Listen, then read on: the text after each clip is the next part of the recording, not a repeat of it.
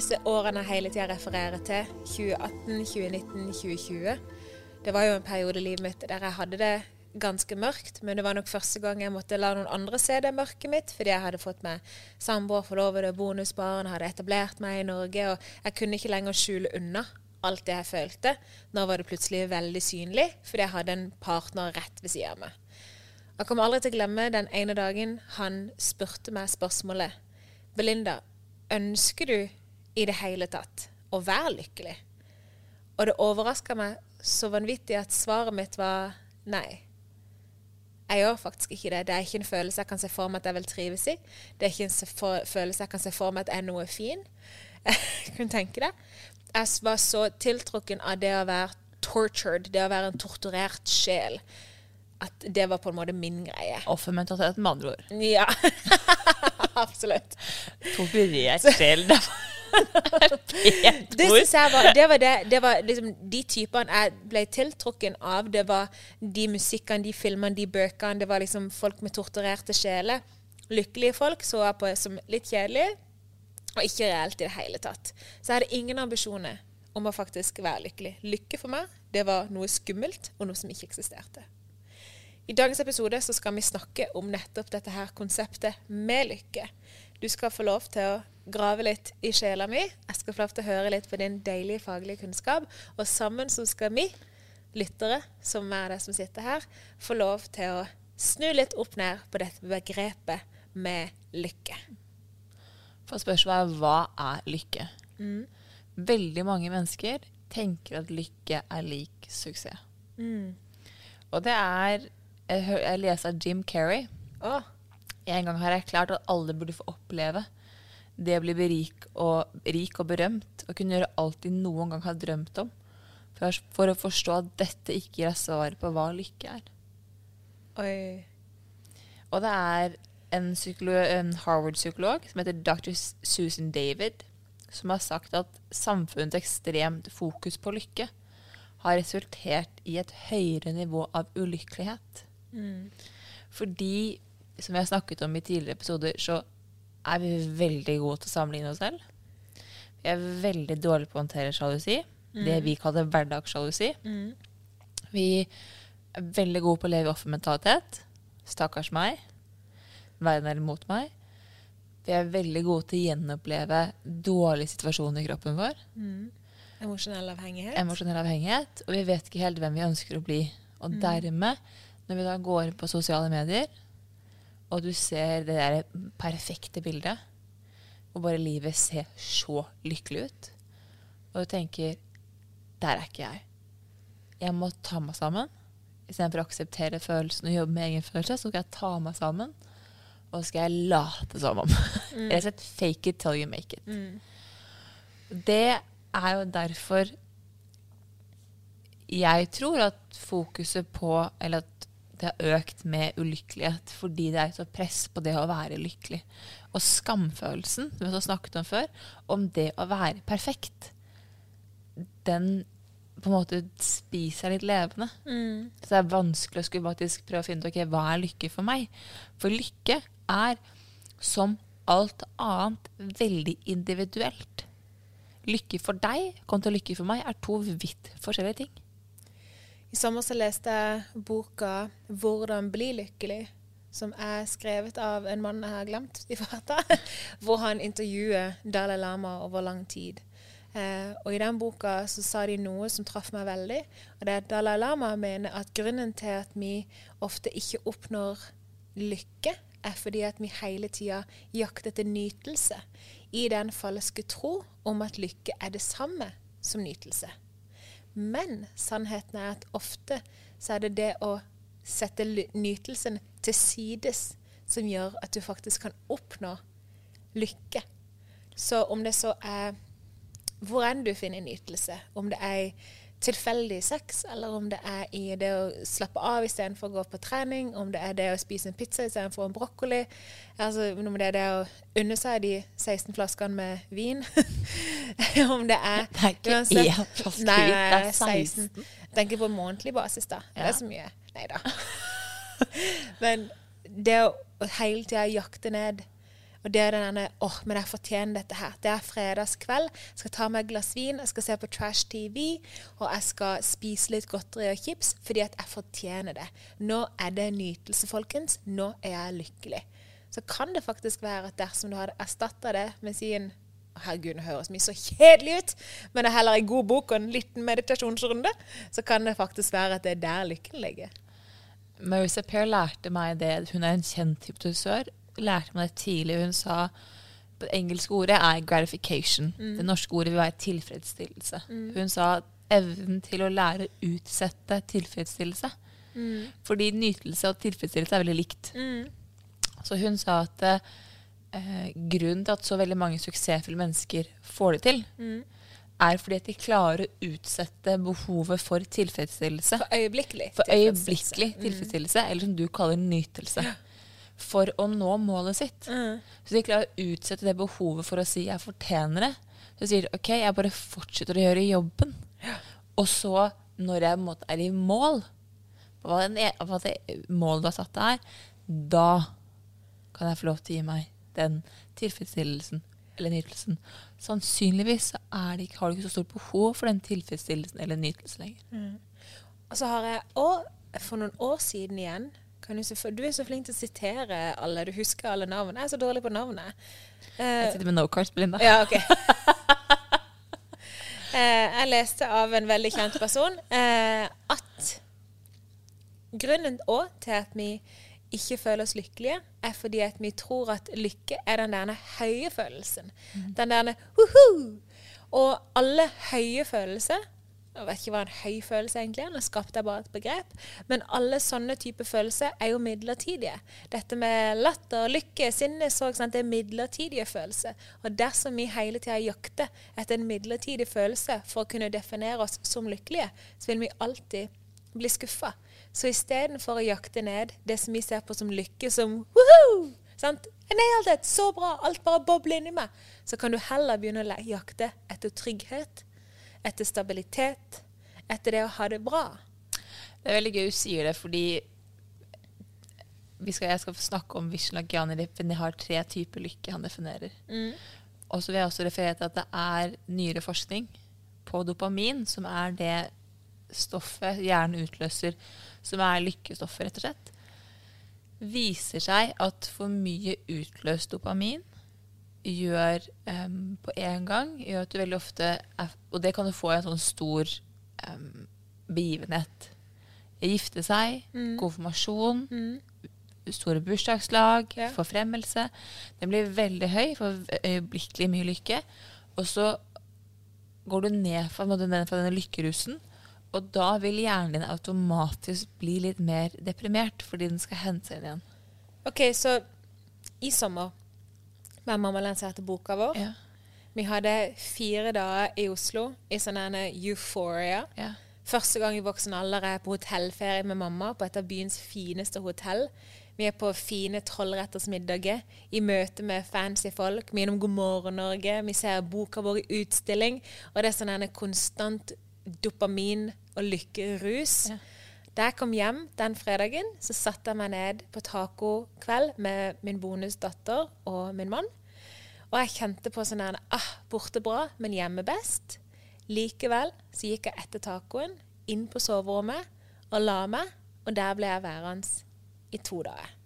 Jeg var så langt nede. Og jeg klarte ikke å forstå hvorfor, for jeg hadde det jo så bra. Det var det som skjedde. Og så har nyere forskning også vist at hvis du kan klare å linke dopamin, eller det som kalles lykken, da, til prosessen, og ikke til selve resultatet, så vil du utløse små doser dopamin i løpet av selve prosessen, så at den, det ene resultatet blir ikke så overveldende. Du kan rett og slett trene opp kroppen din til å tåle mer med lykke. Wow. For det å tåle lykke, det har nok vært litt vanskelig for meg. Jeg tror det handler om det å tåle hva som skjer når du ikke er lykkelig. Den forskjellen blir så stor. For alle har kjent på det lykkelige øyeblikk for å tenke wow, livet er helt magisk. Og så er det da Når du våkner dagen etterpå, så er det bare sånn Hva skjedde? Men jeg har hatt det litt motsatt. For eksempel da, da jeg og min mann begynte å eh, leke i starten, så kjente jo jeg på en sånn vanvittig forelskelse og lykke. At jeg ofte, liksom midt i en date, kunne tenke Nå vil jeg at dette her skal avlyses, for nå trenger jeg å gå hjem og håndtere og tenke over all den lykken jeg føler. Så jeg hadde lyst til å avbryte dates midt i. Ja, for det blir for intenst. Det ble for intenst. Ja, for du er ikke vant til å håndtere så intense følelser. Du har ikke, du har ikke jobbet opp til, å- til å tåle til, Du har ikke et stort nok toleransevindu. Tenk at det går an. Jeg har aldri forstått dette før, Isabel. Vi har ikke snakka om dette her tidligere heller. med det. Nei. Jeg visste ikke Jeg har ikke visst hvorfor jeg har det på det viset. Men det er jo Du har jo vært et Du har, sier jo selv, du har jo vært et, et, et martyr. En martyr? på Meg? Hvor verden liksom hele tiden er imot deg, og da er det jo vanskelig. Når verden plutselig gir meg en mann som jeg liker. Og gir deg en mann som du liker, og livet plutselig begynner å smile. Ja, det var Så så er det sånn OK, nummer én når, når kommer slaget i trynet? Ja. Når skal liksom verden bare åpne seg, og jeg skal dø, liksom? Jeg gikk jo i Skal vi se her. Jeg, har, jeg kan ikke lenger klage over at jeg ikke har økonomi, for nå får jeg lønn. Jeg kan ikke klage over at jeg ikke har et hjem, for jeg har kjøpt et hus. Jeg kan ikke klage over at jeg ikke har bil, for jeg har kjøpt meg bil. Jeg kan ikke klage over at det er et vanskelig forhold, fordi at vi har bare knekt koden og livets fineste forhold. Kan ikke lenger klage over jobben, fordi at der fungerer jo ting dritbra. Får utløp for min kreativitet. Jeg kunne ikke klage over mine bonusbarn, fordi jo, jo, søren var aldri noen ting galt. Det var veldig frustrerende. Jeg kunne ikke klage over at jeg mange savna det å ha hund, for jeg hadde ikke fått ikke bare én hund, men to. Så jeg var litt sånn nærme, Men all denne emosjonelle avhengigheten min, som ville tilbake igjen til offerrollen, den lå bare og venta på noen knagger jeg kunne henge et eller annet på. Så jeg kunne f.eks. funnet ut at Vent nå litt. Hm. Bade nede. Vet du hvor mye folk i familien min har gjennomført, gjen, fått, gjennom, fått gjennomført fått, gjennomgå? fått gjennomgå pga. at badet nede ikke ble holdt rent nok. Det var den eneste knaggen jeg hadde i livet mitt hvor jeg kunne få utløp for min emosjonelle avhengighet. Så jeg hang så mye sinne og sorg og frustrasjon frustrasjon, da, ja, på den. Og det har jeg opplevd i etterkant òg, hvor et nært familiemedlem av meg har kommet til meg med så mye sinne retta mot meg. Og så er det sånn at jeg har sett at dette mennesket er forbanna fordi at det lik, har fått en ball, og den fargen på ballen var blå, og hun liker ikke fargen blå. Så jeg bare, men lille venn, eh, fargen er, den er jo faktisk ikke blå, han er jo faktisk grønn, ser du ikke det? Nei, men det er ikke fargen på ballen som er problemet, det er det faktum at det er en ball. Ok, men da kan vi bytte den, så kan det heller være en trillebår. Det handler ikke om hva det er for noe. Det handler om hva det representerer. Ok, Men hvis ikke du liker det, kan vi bare fjerne hele konseptet. Det handler ikke om å fjerne. Det handler om noe helt annet. Skjønner du? Du vet når du ikke klarer å sette fingeren på et problem, problemet bare endrer seg. Ja. Så husker jeg at jeg sa til dette mennesket at lille venn, du har ikke noe sinne mot meg. Det er ikke et problem. Du har noe sinne inni deg som gjelder noe helt annet.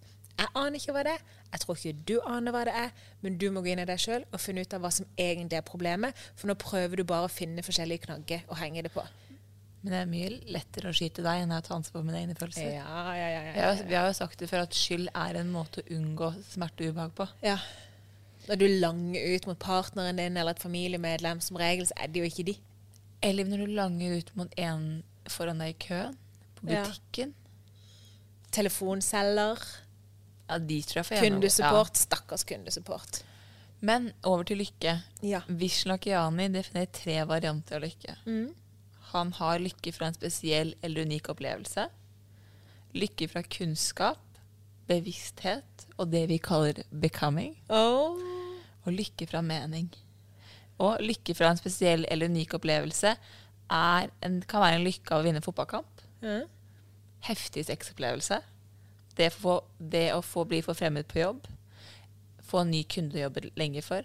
Dette er en lykkeform som er kraftfull og kortlevd. Dette er en klassisk sånn altoppslukende dopamin. Voff rett ut. En dopaminbombe. Eh, Bombe. Drop the mic.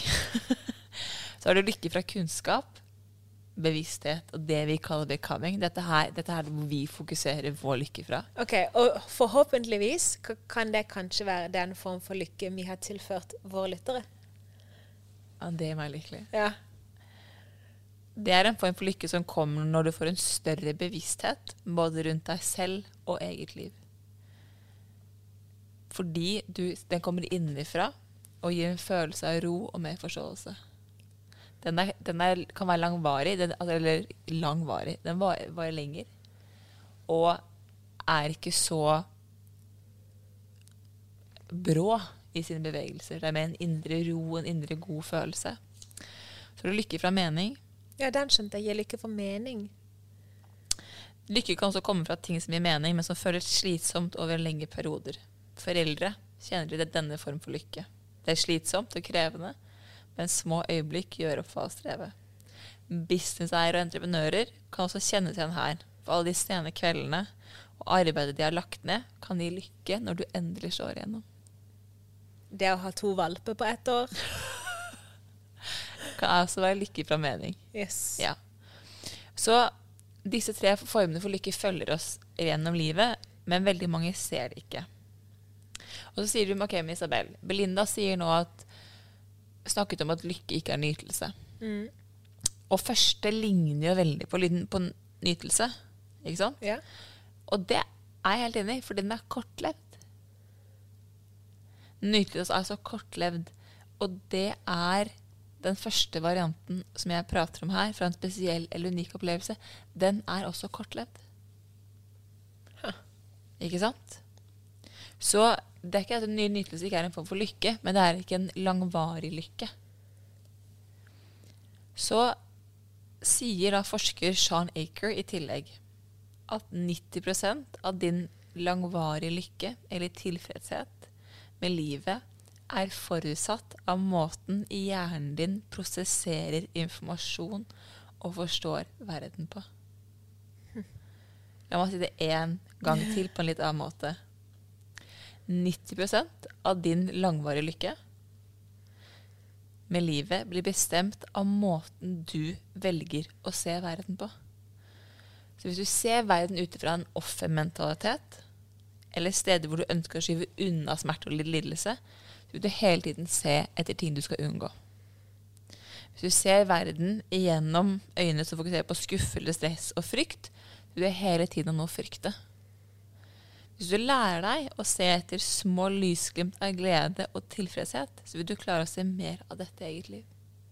For eksempel da, så har vi hatt mye fine samtaler i det siste, meg og deg, og meg og deg og min mann.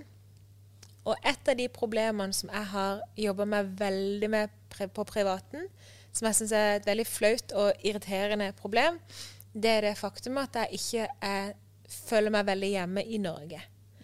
Jeg har, det er her jeg har kjøpt hus, det er her jeg har startet bedrift, det er her jeg har satt alt. Men jeg har ikke funnet Jeg har hele tida sagt til meg sjøl at ja, men det er jo ikke her jeg skal være. Det, her er det jo bare en mangelfase for meg. Det er en midlertidig fase med mye, mye mangler. sant?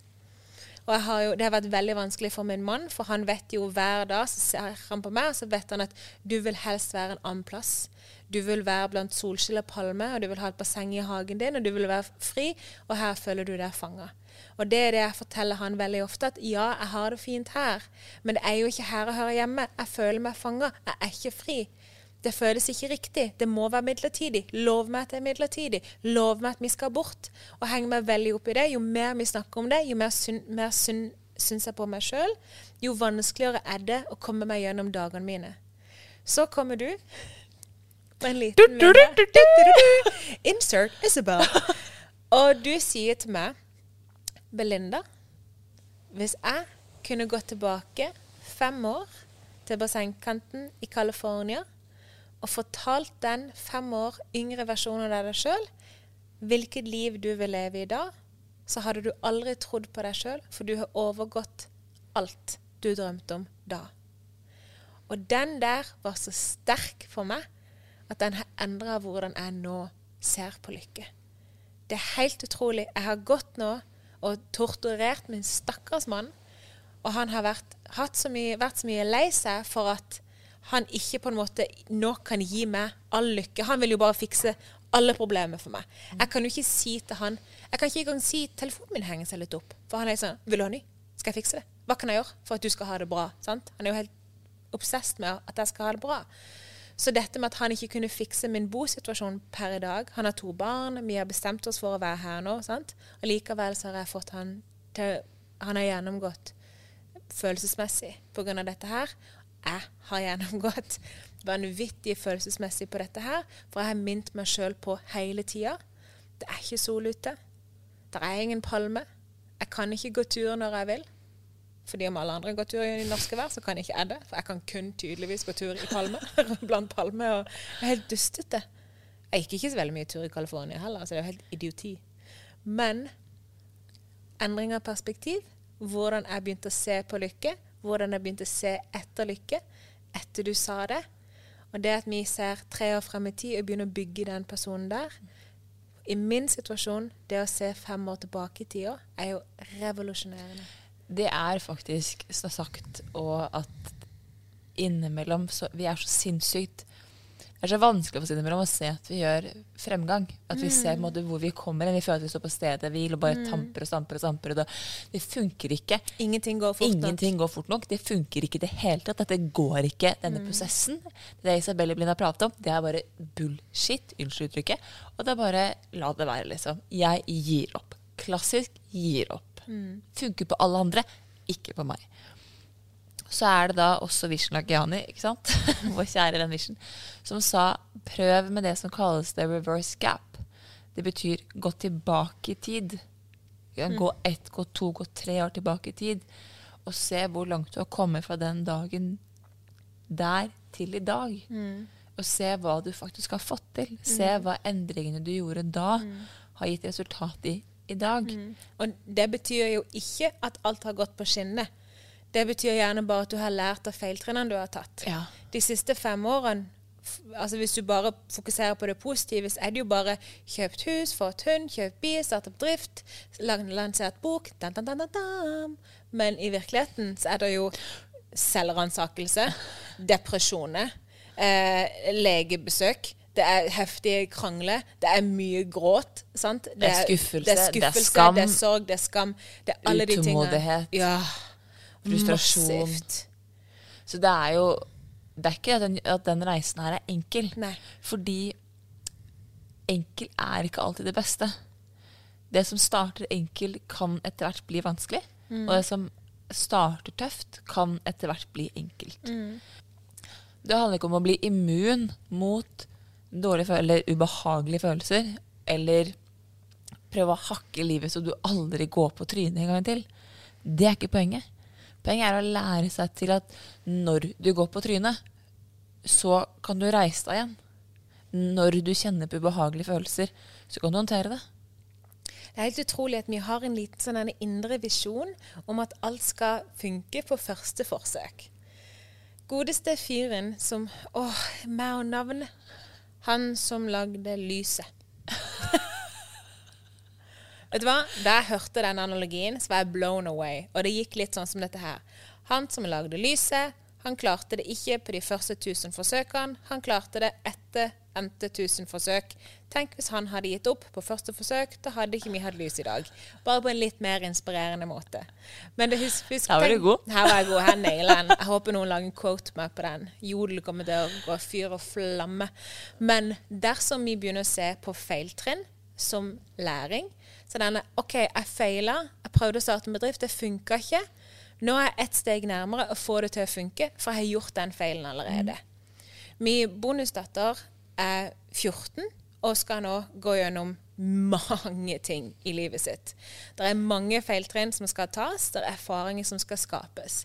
Når det nå oppstår ting som er forårsaker ubehagelige følelser, så pleier jeg å si til henne så bra. Nå har du opplevd det. Du må jo gjennom det. For du skal bygge karakter, du skal lære, du skal ha erfaring. Så bra at det skjedde. Nå er du en erfaring rikere. Nå er du ett steg nærmere og blir enda eldre og føler på nye ting og håndterer det. Hadde du noensinne trodd på meg hvis jeg sa Belinda, jeg lever et lykkelig liv. Jeg har alltid vært lykkelig. Jeg alt, vil alltid være lykkelig. Jeg er immun mot alt. Ja. da hadde jeg spurt hva går du på? Og kan jeg få litt av det samme? Tusen takk. Ja. 35 er en fin alder å begynne å eksperimentere med dop. Nei, Å, nå blir mor lei seg.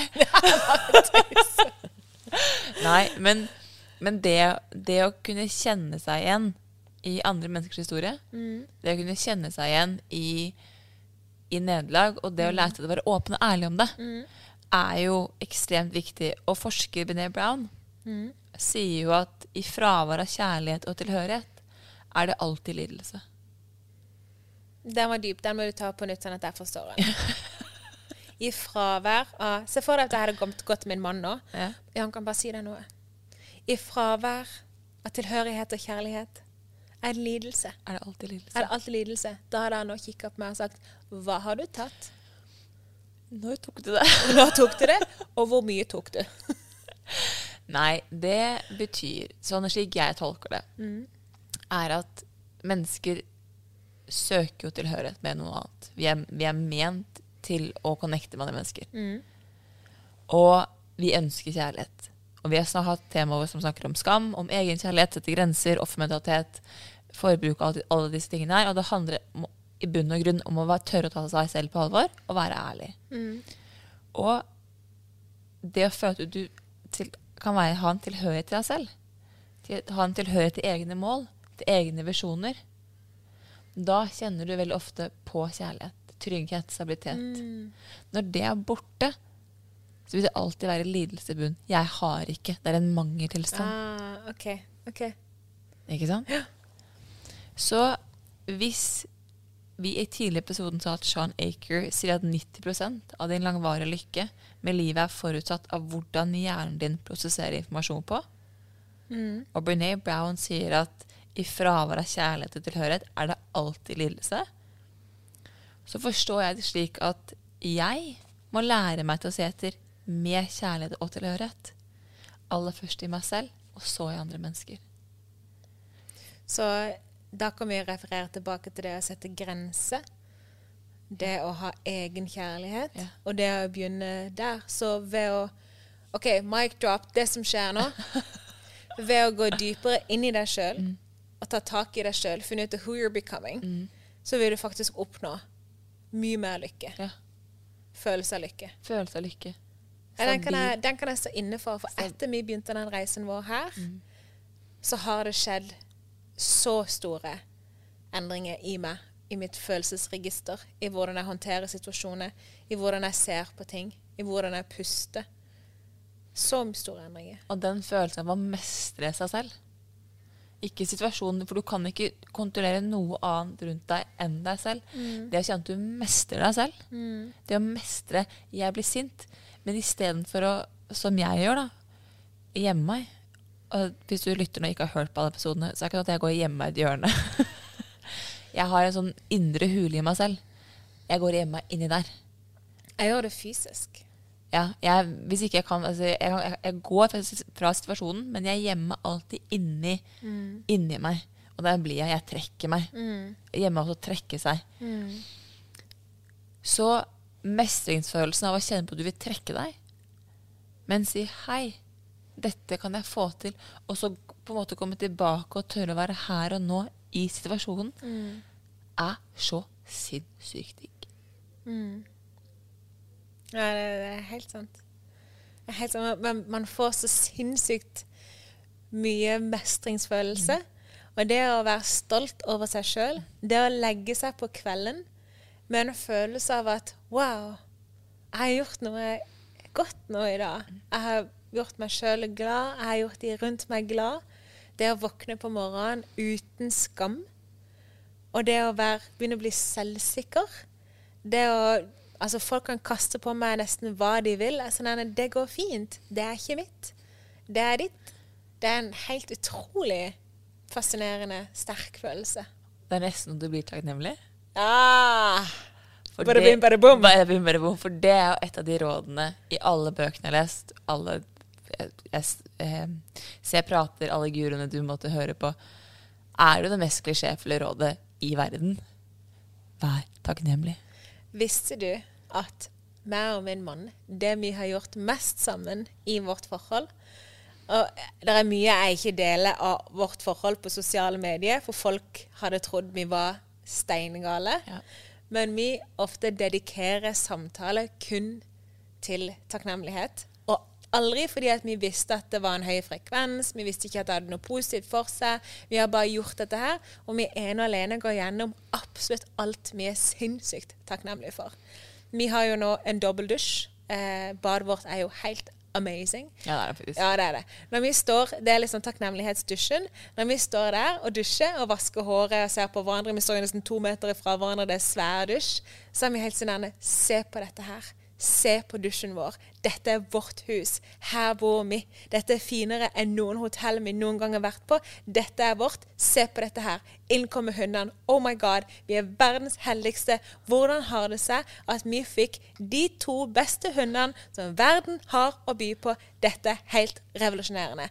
Denne uka når du har vært hos oss, vi har vært helt sånn Tenk at vi er så heldige at vi har et menneske som Isabel i vårt liv. Tenk at hun vil være med oss. Tenk at hun vil snakke med oss. Tenk at hun vil dele sin kunnskap med oss. Dette er helt sykt. Jeg må klype meg selv i armen. Sånn her holder vi på hele tida. Og det skaper noe, altså. 110 Men så- Spesielt den delen om Isabel. Fortsett med det. Fortsett med det. Men til deg, kjære lytter, som kjenner på at Belinda Du kan snakke så mye om takknemlighet du bare vil. Ja, men du har ikke vært helt der. Jeg har hatt så sinnssykt motstand på takknemlighet. Det er helt vilt. Ja. Dette har vært sånn Dette her har vært noe jeg har måttet jobbe meg gjennom. Du har måttet jobbe deg gjennom eh, takknemlighet på lik linje som jeg måtte jobbe meg inn i tilgivelse. Ja, fordi jeg leste på alle, alle bøker, alt at takknemlighet er liksom Det er som mirakelkuren. Ja. Og jeg satt og bare Greit. Litt sint, litt frustrert, eh, mye uprosessert i kroppen. Greit. OK, takknemlighet. Jeg skal kjøre takknemlighetsmeditasjon hver kveld, jeg. Det er greit. Jeg skal sitte og være så sykt takknemlig for det livet jeg lever. Være så sykt takknemlig for alt dette her. Og jeg på, og jeg og jeg var sånn, jeg er takknemlig. Det funker ikke. Takknemlighet funker ikke! Jeg hadde så problemer. Tok rundt to år før jeg klarte å finne min variant av takknemlighet. What?! For jeg måtte separere takknemlighet fra en følelse som skulle fikse meg, til noe jeg kunne kjenne på. For når alle sa takknemlighet var mirakelkuren, så var jeg sånn Jeg hører kur. Jeg Ja. tenker sykdom. Jeg er dårlig. Ikke sant? Fiks meg. Hvis jeg er bare takknemlig, så fikser jeg livet mitt. Husker jeg, du, har vært, du, du tenker at du var immun. Jeg fant mirakelkuren. Yes. Ja. Og det gikk jo så der. Så jeg måtte separere fra det jeg kunne for jeg skulle fikse meg, til en følelse jeg kunne kjenne på. Og da klarte jeg faktisk å begynne å praktisere mer og mer tålmodighet. Så nå kan jeg faktisk sitte og være sånn Jeg kjenner på så mye takknemlighet at, jeg- at jeg kan få tårer i øynene. Ja, same. Men, men det er ikke hver dag. Og det har tatt meg tre år, folkens. Abraham Hicks, som jeg hører mye på på Soundcloud, av alle ting. hun hører på hver morgen. Hun er, eh, hun er fet, altså. Hun gjør veldig mange på Soundcloud, så ligger det veldig mange audioklipp hvor hun har foredrag, og så tar hun spørsmål fra salen. Og en som tok meg veldig, det var ei fra salen som reiser seg opp, og du hører på stemmen at hun er utrolig bevega.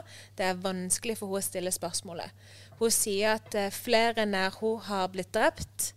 Eh, hun har mista jobb. Hun har blitt psykisk syk, fysisk syk. Alt har på en måte, alt som kunne gå galt, gikk galt i hennes liv. Hun sier da til Abraham Hicks at du ber meg praktisere takknemlighet. Hvor i all verden skal jeg finne takknemlighet når dette er min livssituasjon? Sier Abraham, når du går ut døra, og du kan frisk, puste inn frisk luft, så er du allerede heldigere enn veldig mange på denne jorda. Det at du kan reise deg opp fra stolen du sitter på nå, for å bruke stemmen, for å spørre meg et spørsmål og se på meg med øyet som fungerer, det gjør at du allerede er mye heldigere enn andre mennesker. Det at du kanskje nå ikke sitter sulten, det at du kanskje nå ikke sitter tørst, det at du har klær på ryggen og du har sko å stå på, det gjør at du allerede er mye heldigere enn mange. Og sånn fungerer lista.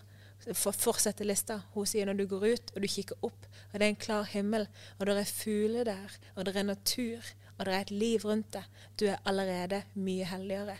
Og det som er med takknemlighet, at dersom du klarer å finne bare én bitte liten ting, så vil den bitte lille tingen der til slutt ekspandere.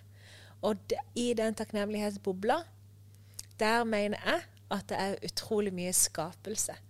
Så til og med på mine mest slitsomme dager Jeg tror grunnen til at jeg aldri har havna i en langvarig, veldig dyp depresjon, at jeg alltid har klart å gå inn og ut av den og hente meg inn, det er nok fordi at jeg kan finne takknemlighet over det faktum at jeg kan trekke pusten.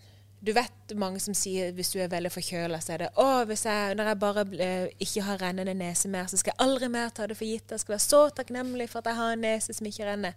Jeg kan gå daglig og tenke oh my god, nesa mi renner ikke. Jeg er så forbanna takknemlig. Altså, jeg er sånn utopisk takknemlig for ting i livet mitt. Ja, er jeg ikke, jeg er ikke helt der ennå. Men jeg kommer meg dit. Men for meg så handlet det om at med takknemlighet om å akseptere situasjonen. Fordi de sier at du kan ikke kjenne på takknemlighet og en annen følelse i kroppen samtidig. Det er, da kjenner du ikke på takknemlighet. Og takknemlighet er et ord som bruker som buzzword. Det snakker veldig mye om. Så det å på en måte koble på følelsen med ordene er veldig viktig. Og for meg så kjente jeg på at jeg kunne se jeg var takknemlig, men jeg følte det ikke. Du, jeg vet at du føler det. Det rører deg. Jeg begynner bare å grine. Ja. Ja. Så når jeg kommer dit jeg kan kjenne, jeg kan kjenne på følelsen av takknemlighet, Mm. og jeg kan kjenne på følelsen av mening, da blir jeg måte veldig takknemlig. Mm. Eh, ekstremt takknemlig å kjenne på, men jeg, fortsatt jeg kjenner på sinne rundt det. Mm. At jeg kan bli sånn provosert når folk sier 'bare vær takknemlig', så er jeg sånn Ikke fortell meg hva jeg skal og ikke skal være. Som at de prater om det er denne mirakelkuren. Mm. For det er jo måte det jeg opplever at det er blitt fremstilt som. Mm. Og jeg tror at takknemlighet i seg selv er en ekstremt viktig verktøy. Mm. Men det er ikke det eneste verktøyet du bruker. Nei. Og så er det viktig å Sånn som i de periodene hvor jeg har vært usikker på livet mitt og, og hvilken retning jeg ønsker å ta de og sånne ting, da er det for utenforstående som gjerne sier til meg da 'Hallo, du lever drømmelivet. Du må være takknemlig.'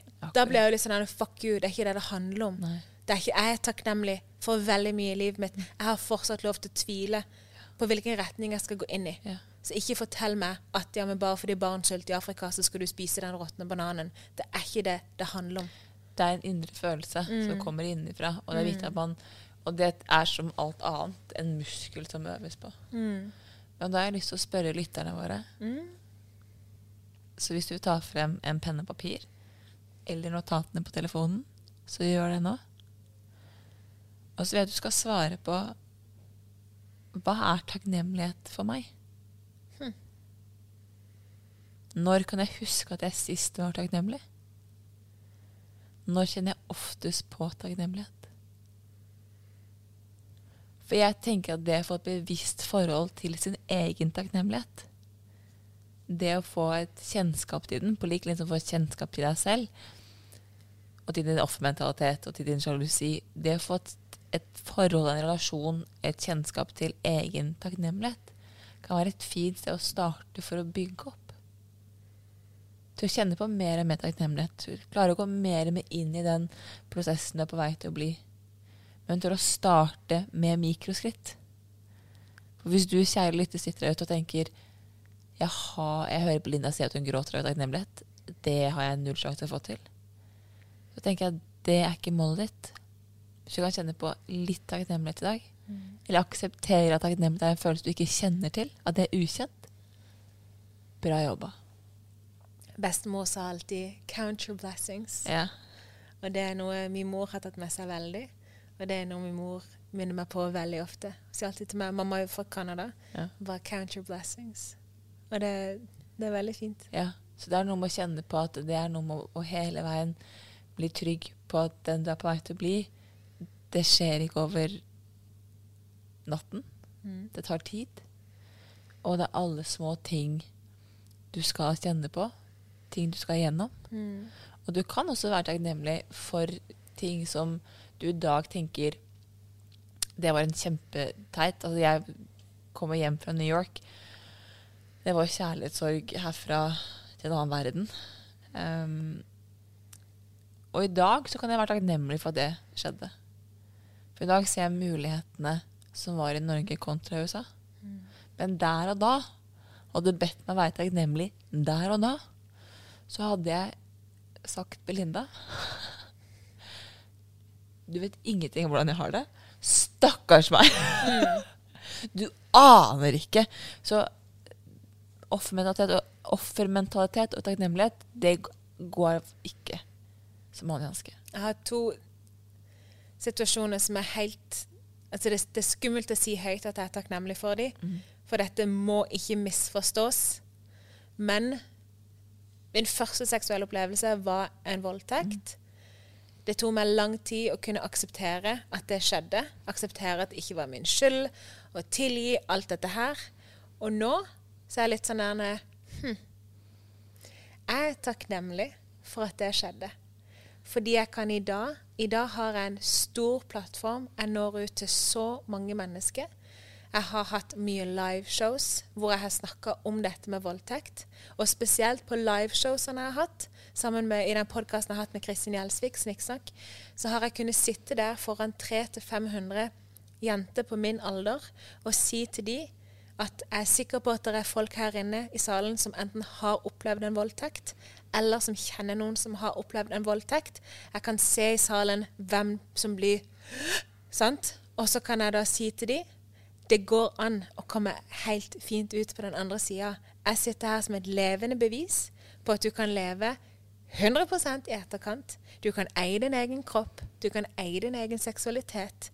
Ikke føl deg Um, ikke vær for redd, og ikke tenk at livet ditt er over, for livet ditt kan faktisk bli 100% igjen. Og Hvis jeg ikke hadde hatt den voldtekten, så hadde jeg aldri kunnet gitt den beskjeden til så mange mennesker som jeg har hatt mulighet mm. til å gi den beskjeden til. Så den er jeg faktisk takknemlig for. Jeg tror at jeg opplevde det for å kunne fortelle i etterkant at hei, I got you. Jeg ser det. Jeg vet at det er vondt. Jobb deg gjennom det. Stå sterkt. You got this. Og her er du, hører jeg jo radikal tilgivelse. Ja, lang vei. Den, eh, den, den ja. der. En annen radikal tilgivelse, det var jo For det blir jo takknemlighet. Radikal ja. tilgivelse blir jo takknemlighet. En annen radikal tilgivelse, det var jo min far som døde av kreft. Min far lovte meg å ikke dø. Og det høres så rart ut, Nei, men han lovte det. Og da han da døde, så ble jeg veldig sinna på han. Fordi han hadde lovt meg å ikke gjøre det. Mm. Så jeg måtte gjennomføre en radikal tilgivelse på min egen far, som jeg savner så inderlig. Han var et fantastisk menneske. Veldig kul type. Morsom. Mm. Um, og det som er at i perioden hvor han var syk, så fikk jeg en e-post fra en bloggleser på den tida. Og hun skrev til meg at det du skal gå gjennom nå, jeg ønsker at du skal se etter det vakre i det vonde. Hun sa at du kommer til å se din far i situasjonen du aldri skulle ønske du måtte se din far i. Du kommer til å bli satt i posisjoner hvor du må nødt til å være sterkere enn du noen gang har vært før. Men jeg ønsker at du skal se etter det vakre i det vonde. Se på grunnen til at du sørger. Det er jo pga. kjærlighet. Se på alle menneskene som kommer sammen. Det er pga. kjærlighet. Mm. Vær den dattera som din far har oppdratt, og vis han hvem han har oppdratt. Så jeg gikk jo inn jeg var med pappa fra jeg kom hjem igjen fra California.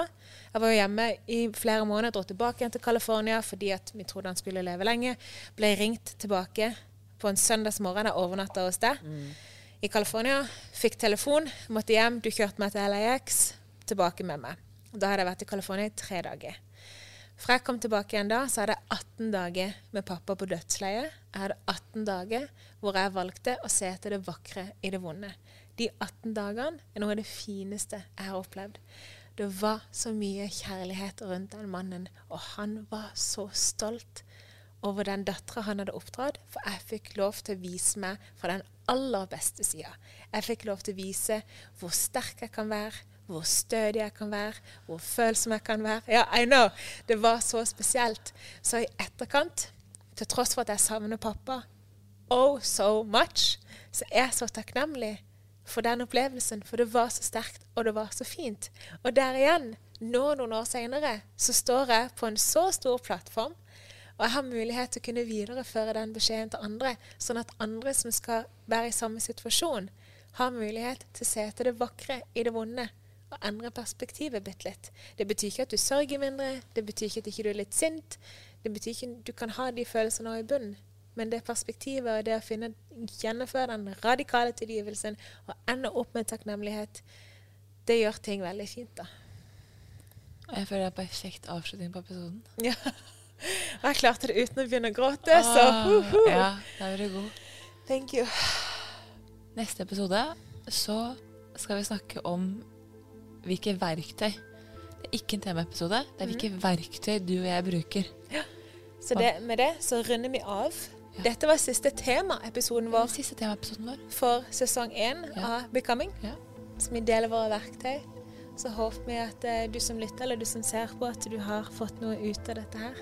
Jeg har fått masse ut av det. Jeg òg. Og ehm, Husk å ta deg selv på alvor. ja. Husk at becoming er din prosess, og din prosess alene. Det har ikke noe å si hva alle andre tenker, for det handler om hvem du er på vei til å bli. Ha det.